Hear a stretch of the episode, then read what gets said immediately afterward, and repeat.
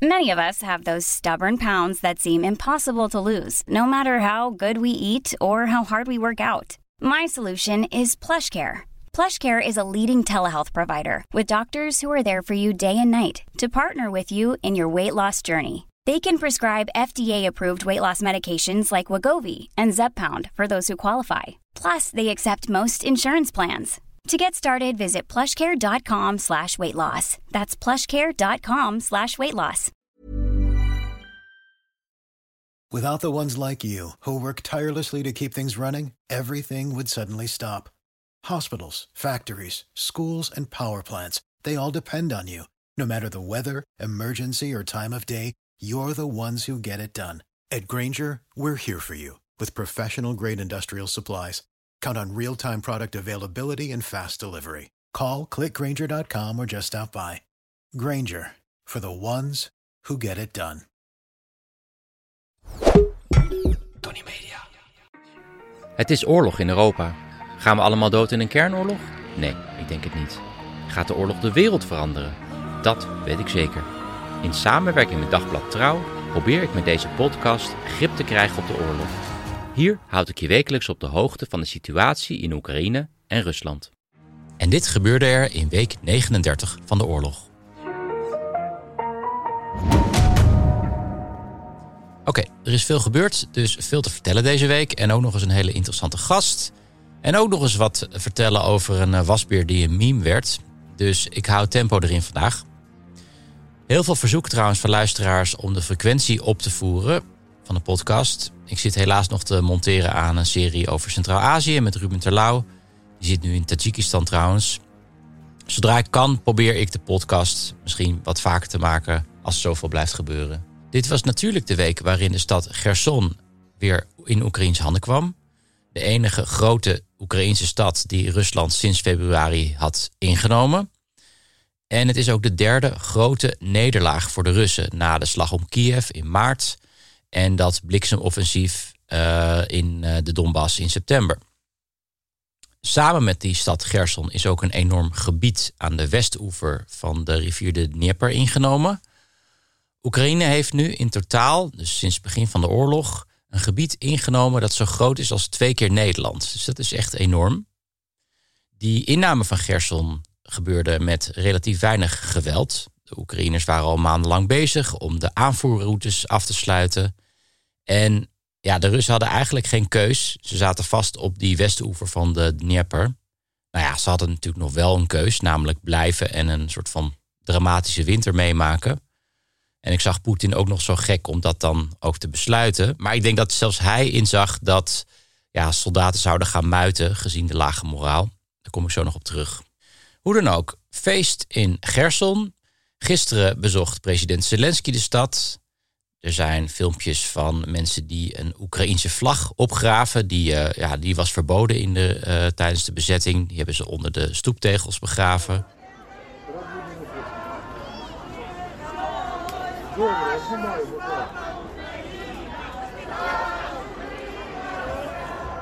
Hier hoor je een groep uitzinnige inwoners van Gerson. Ja, Gersonners, hoe zou je die noemen eigenlijk? Ieder geval, uh, je hoort ze een Oekraïens lied zingen. Dat lied was ook verboden tijdens de Russische bezetting. Ze dansen rond een kampvuur terwijl ze dat zingen, want de elektriciteit in de stad is nog niet hersteld. Oké, Gerson is dus nu terugveroverd. En sommige mensen denken dat de Oekraïners nu rustig aan gaan doen, want ja, de winter komt eraan en zo. Ik vraag me af, sowieso is het niet een ijzeren wet dat er niet in de winter gevochten kan worden. Neem de winteroorlog tussen Finland en de Sovjet-Unie, die zo dramatisch verliep voor de Sovjets. Dat kan je terugluisteren op dag 50. Oekraïne heeft nu momentum. Ze hebben, uh, er wordt nog steeds gevochten aan het front, uh, in de buurt van Donetsk, ook aan Russische zijde overigens. Maar er zijn ook berichten van een amfibische aanval van de Oekraïners. Die zouden aan wal zijn gegaan aan de oostoever van de Dnieper. Waarschijnlijk gewoon zodat de Russen niet daar vandaan Gerson kunnen beschieten. Of om Russische soldaten daar te houden die vervolgens niet ergens anders kunnen vechten. Maar wie weet leidt dit tot een echt offensief. Uh, vanuit daar is het eigenlijk niet ver naar de Krim. Waar Rusland trouwens ook al loopgraven aan het maken is. Dus die houden daar wel degelijk rekening mee. Aan de Russische zijde is de situatie wankel. Nog steeds is er een chronisch tekort aan manschappen. Er dook een soldaat op met een embleem van een militaire eenheid die werkt voor de ruimtevaartorganisatie van Rusland. Dus die gooien ze nu ook al in de vleesmolen. Is er nou ja, een stroom aan filmpjes van gemobiliseerden in beroerde omstandigheden. Het houdt niet op. Maar er is ook steeds meer opstand tegen officieren die eigenlijk voor die gemobiliseerden zouden moeten zorgen. Maar meestal het geld en de middelen die ze krijgen in eigen zak steken. Op een filmpje uh, dat ik van de week zag, is een officier te zien die wordt omringd door gemobiliseerden die hem daarmee confronteren. En een van die soldaten slaat hem in zijn gezicht. Dus een soldaat slaat een officier in zijn gezicht. Je ziet die officier ook kijken van, ga ik hier tegen optreden? Nou, die doet het toch maar niet. Want ja, hij is omringd door een horde boze gemobiliseerden. Of mobiks, zoals ze in Rusland vaker worden genoemd. Dus die Oekraïners weten hoe zwak hun vijand is. En los van Poetin weet niemand meer echt wat ze daar aan het doen zijn. Dus ik ben heel benieuwd of de Oekraïners in staat zijn om hun momentum te houden in de komende weken. Gaan we door naar de Russische media.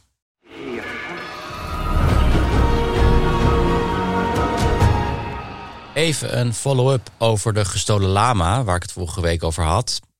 Kennelijk stond voor de Russen bij het terugtrekken uit de stad Gerson hoog op de prioriteitenlijst om een lama te evacueren of te stelen. Dat is maar hoe je het bekijkt. Hoe dan ook, nu is bekend dat de man die de lama meenam, Alek Zubkov is. Hij is de directeur van een safaripark op de Krim, waar dus ook die lama terecht kwam.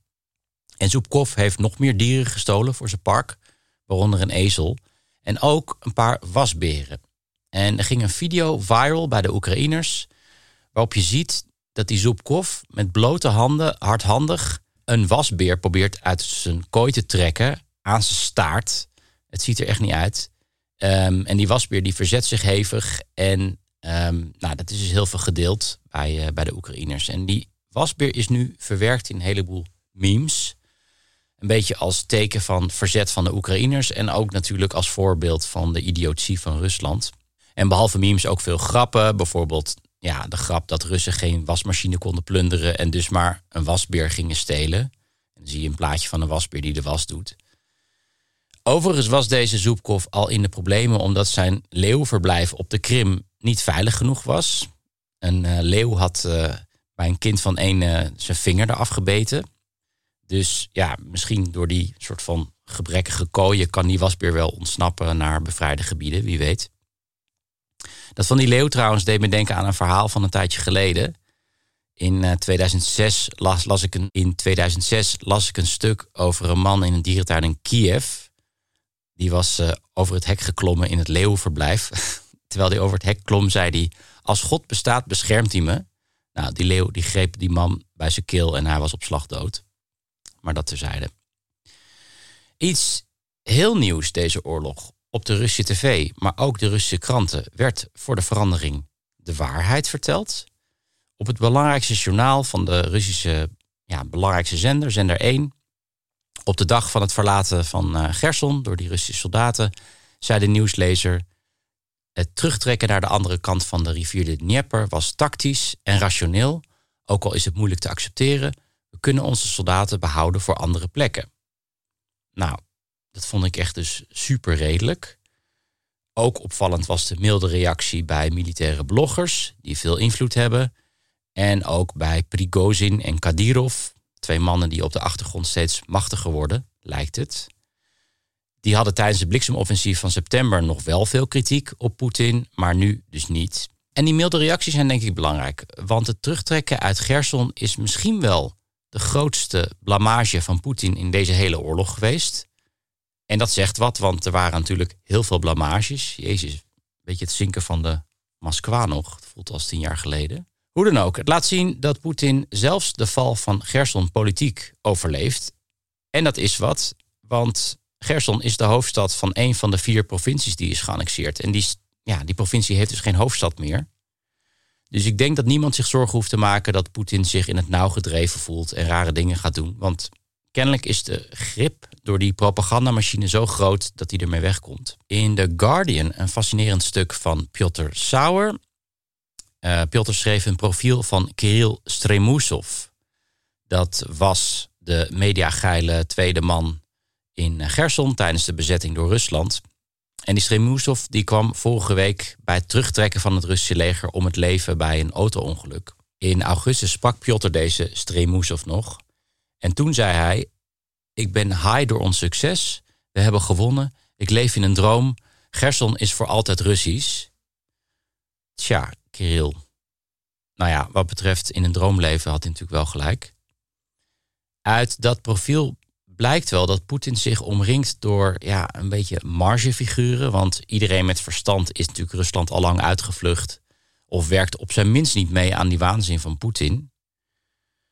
En als er geen oorlog was geweest, was die Stremusov waarschijnlijk altijd in de marge gebleven.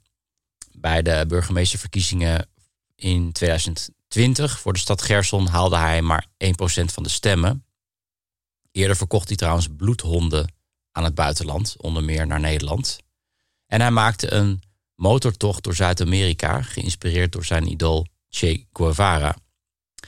Verder ging ook een filmpje van hem viral, waar hij zijn uh, dochter, een baby nog, keihard boven zijn hoofd slingert. Je hoort ook haar botten kraken. En nou ja, die baby die huilt ook natuurlijk. En tijdens het slingeren geeft hij als motivatie dat astronauten dat ook doen voor de training. Dat terwijl een baby en een astronaut toch echt twee hele verschillende dingen zijn, qua leeftijd alleen al. Kortom, een complete gek. En in een van zijn laatste video's, nadat het bliksemoffensief in september, zei Stremusov dat iemand, uh, minister van Defensie Shoigu, eigenlijk door zijn hoofd zou moeten schieten. Nou, misschien ging dat wel te ver, want velen betwijfelen of dat auto-ongeluk van Stremusov echt wel een ongeluk was. Het is in ieder geval verdomd toevallig dat hij doodging op de dag dat Gerson viel. En dus ook dat deze clown ook niet meer nodig is. Misschien was er wel opzet in het spel. Misschien is hij wel geëxecuteerd, net als zijn held Che Guevara. Zullen nooit achter de waarheid komen, denk ik. Oké, en dan nog dit. Eens in de twee weken behandel ik hier een vraag van een luisteraar over de oorlog. De vraag is deze week afkomstig van luisteraar Rob Kleuren. Rob ontvangt een kledingpakket van onze trouwsponsor en dat is Bamigo.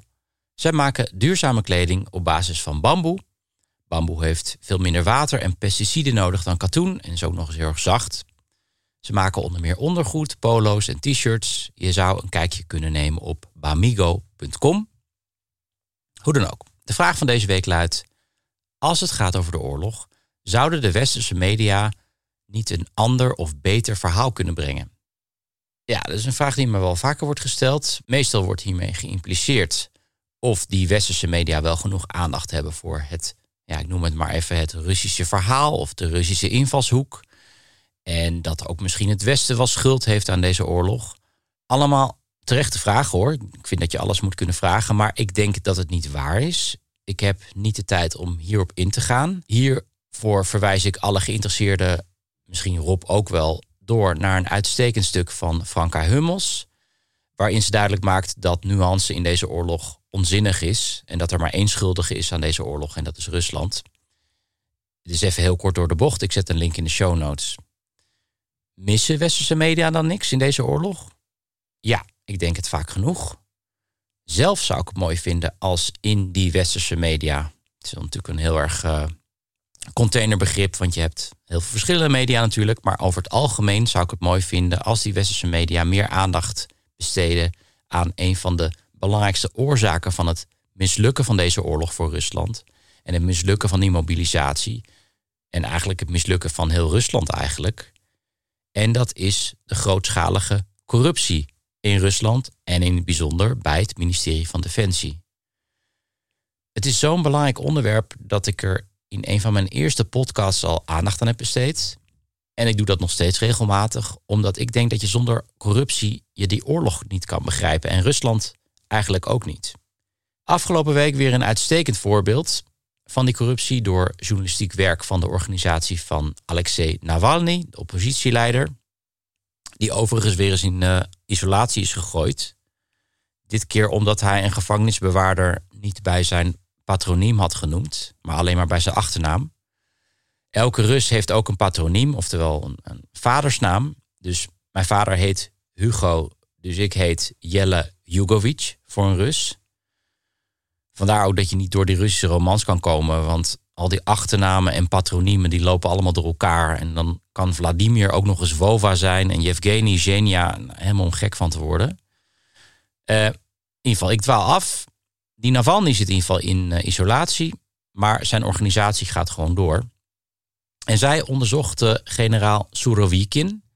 Dat is de nieuwe topofficier van het Russische leger.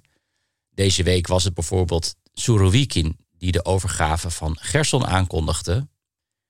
En in veel media, ook westerse media, wordt hij omschreven als een geduchte generaal, als een door de wol geverfde militair. Maar dat onderzoek van Navalny prikt deze mythe helemaal door. Want die Surovikin is gewoon een boef die het leger gebruikt om zichzelf te verrijken. Die Surovikin speelde bijvoorbeeld in de oorlog in Syrië een belangrijke rol. Onder meer bij de inname van twee fosfaatmijnen bij Palmyra. Nou, waarom deed hij dat nou? Die mijnen hadden geen enkel strategisch doel. Maar zijn vriendje, de oligarch Gennady Timchenko, die runt nu die fosfaatmijnen. En die verkoopt fosfaat via een omweg naar Europa. Daar verdient hij aan en Surovikin krijgt zijn deel en Poetin uiteindelijk ook. Want die staat natuurlijk helemaal aan de top van de piramide. Zo is het paleis van Poetin voor een belangrijk deel ook weer gefinancierd met geld van deze Timchenko. Dus die Surovikin is niet benoemd omdat hij zo'n briljante stratege is, maar gewoon een crimineel vriendje van Poetin. Die in Oekraïne ongetwijfeld ook weer geld wegsluist. En dat zijn denk ik verhalen die meer aandacht verdienen en structureler ook. Want die spelen een hele belangrijke rol in deze oorlog en zullen er volgens mij ervoor gaan zorgen dat Rusland gaat verliezen. Misschien wel sneller dan we denken. In de show notes een link naar de video over het onderzoek dat is gedaan naar die Surovikin met Engelse ondertitels. Hoe dan ook, Rob, bedankt voor je goede vraag. Wil je nou ook kans maken op een kledingpakket van duurzame bamboe? Stuur dan ook een vraag of een tip. Eh, je kan een berichtje sturen op Twitter of Instagram. Maar je kan natuurlijk ook zelf je kleren bestellen bij Bamigo. Ontvang nu 25% korting op je eerste bestelling op bamigo.com. De korting is exclusief voor de luisteraars van de show met gebruikmaking van kortingscode Jelle25. Deze week spreek ik Isa Yusibov. Welkom, Isa. Dankjewel. Isa is geopolitiek analist en is zeer ingevoerd in de oorlog. En ook uh, ja, kijkt heel goed naar de situatie in andere landen van de voormalige Sovjet-Unie.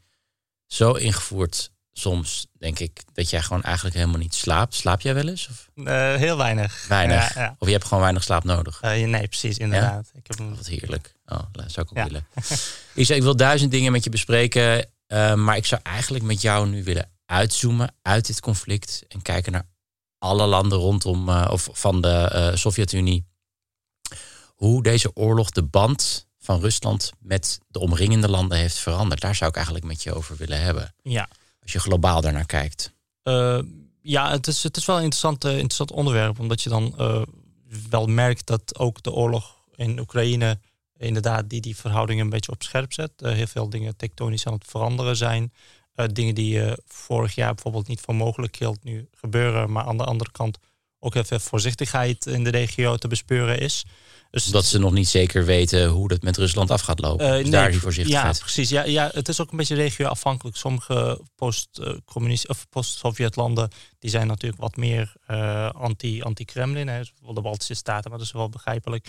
Dan heb je, naarmate je dichter bij, bij Rusland zit, merk je wel dat er um, ja, verschillen zijn in, in hoe om te gaan met de oorlog, hoe om te gaan met Rusland. Maar dat is inderdaad afhankelijk van uh, dat ze ook een beetje afwachtend zijn hoe, hoe de oorlog gaat verlopen. Want tot nu toe, wat ik nu merk, het is gewoon tweeledig. Aan de ene kant zie je wel dat zowel de landen in de Caucasus als in Centraal-Azië een beetje um, ja, een nieuwe koers willen varen. Ze zien ook, ze kijken ook naar de oorlog. Ze denken van hé, hey, uh, uh, Rusland, we hebben Rusland kennelijk overschat. Want het zijn allemaal een beetje autoritaire landen. Dus in principe waren, ze, waren de leiders ook afhankelijk van de Russische steun. Maar nu zien ze van ja, Rusland kan zichzelf niet eens beschermen. Dus misschien moeten we op zoek naar andere ja, actoren om, om, onze, om onze veiligheid te garanderen. Want in principe ja, autoritaire leiders, het gaat het altijd in de regio ook om hun eigen, eigen belang. En als je het over hebt over andere actoren, heb je het dan over bijvoorbeeld Turkije of ja, China? Turkije en China inderdaad. En in, in toenemende mate ook de VS en de EU.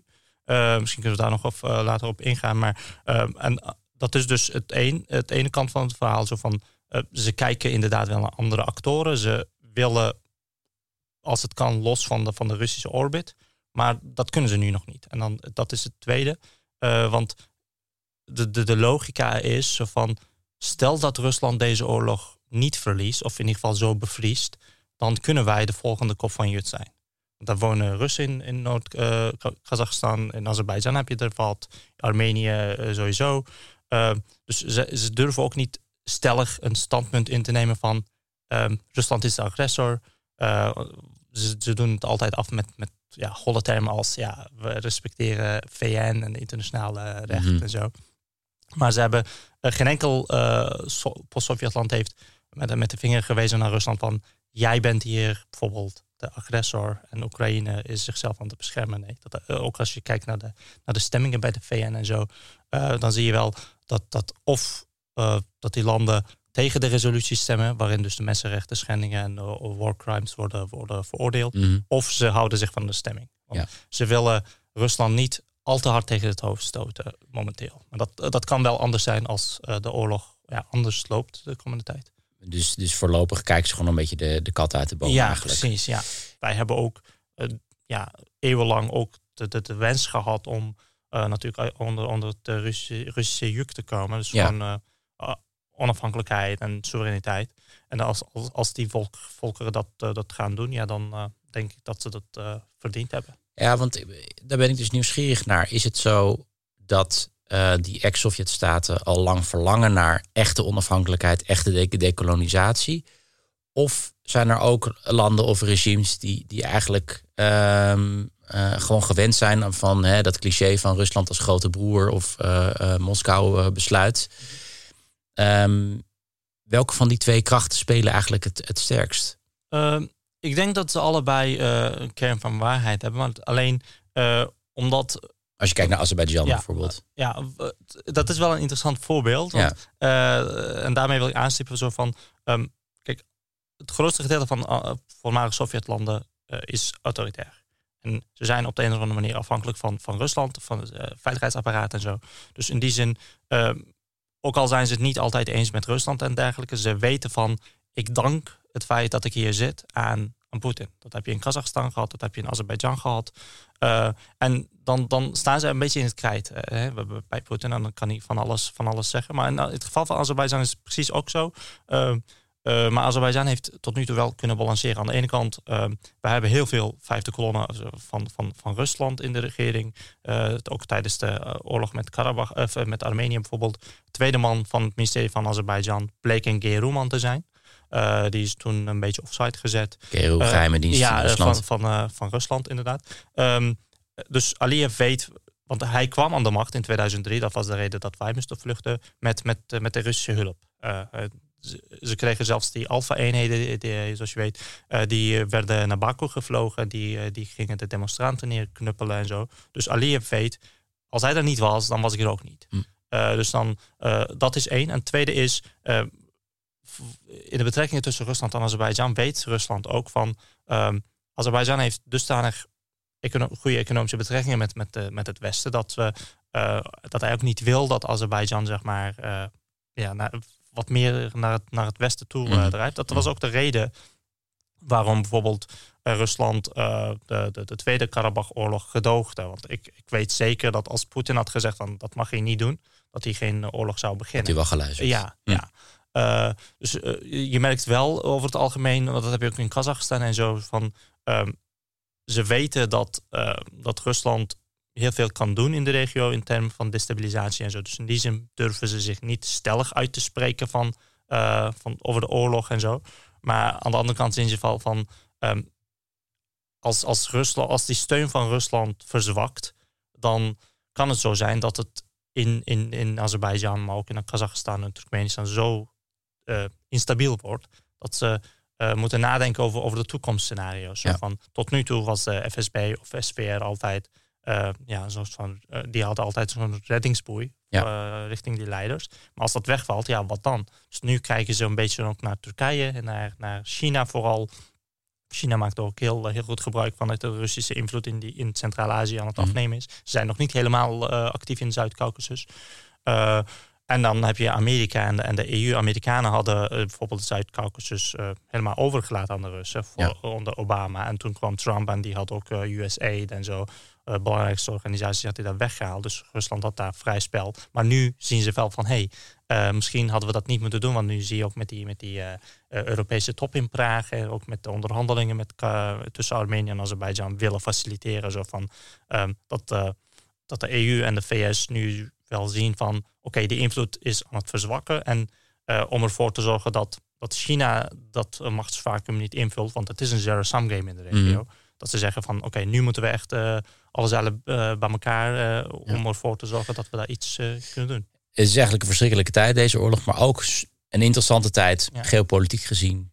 Die verschuivingen kunnen snel plaatsvinden mocht Rusland verzwakken. Maar zoals het er nu voor, voor staat, kijken ze nog eventjes de meeste staten nog de katten Ja, ze willen het wel, maar ze durven het nog niet, laten we het zo zeggen. Dat is, ja. dat is lang verhaal kort. Isa, mag je heel erg bedanken voor je, voor je toelichting. Als jullie, nog niet, uh, als jullie Isa nog niet volgen op Twitter, doe dat absoluut. Ik zet nog een link uiteraard in de show notes. Isa, dankjewel. Yes, dank jij. Dat was het voor deze week. Nog wat losse eindjes. Ten eerste over onze sponsor Bamigo. Ik zag vorige week een uitzending van de Keuringsdienst... waar een item ging over Bamigo. Jullie hebben het misschien ook wel gezien. En daar had ik wel wat vragen over. Jullie misschien ook. Ze hebben een aantal veranderingen doorgevoerd. Wat precies, dat kan je lezen op hun site. Ik zal een link in de show notes zetten. Verder had ik vorige week het over de lezingen van de hoogleraar Timothy Schneider. En iemand wees me erop dat daar ook een podcast van is gemaakt. Die heet The Making of Modern Ukraine. Opnieuw een link in de show notes. Verder wil ik iedereen bedanken die gestemd heeft uh, op voordat de bom valt voor de Podcast Awards. Helaas hebben we die niet gewonnen. Maar gisteren had ik alsnog een hilarische avond bij de uitreiking. Dat was het voor nu. Ik wens jullie allemaal fijne week.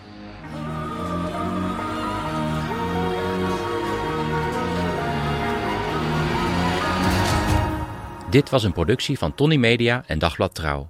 Voor meer verdieping ga naar trouw.nl. When you save on auto insurance for driving safe with USAA Safe Pilot, you'll feel like a big deal. even in a traffic jam. Save up to 30% with USAA Safe Pilot. Restrictions apply. Ik heb geen idee waar je naar geluisterd hebt, maar misschien een goede tip om nog meer tijd te vermorsen. Luister eens een keer naar de Snopcast, waarin ik, Jort Kelder en mijn goede vriend Ivo van Rechteren Altena alles bespreken wat het leven draaglijk maakt zonder enig praktisch nut. Met uiterst overbodige snobjecten als ja, een machientje om je tandpasta uit te rollen. Een ski, natuurlijk van Bentley. Of een Kashmir springtouw. Jazeker, de Snopcast. Omdat je het waard bent.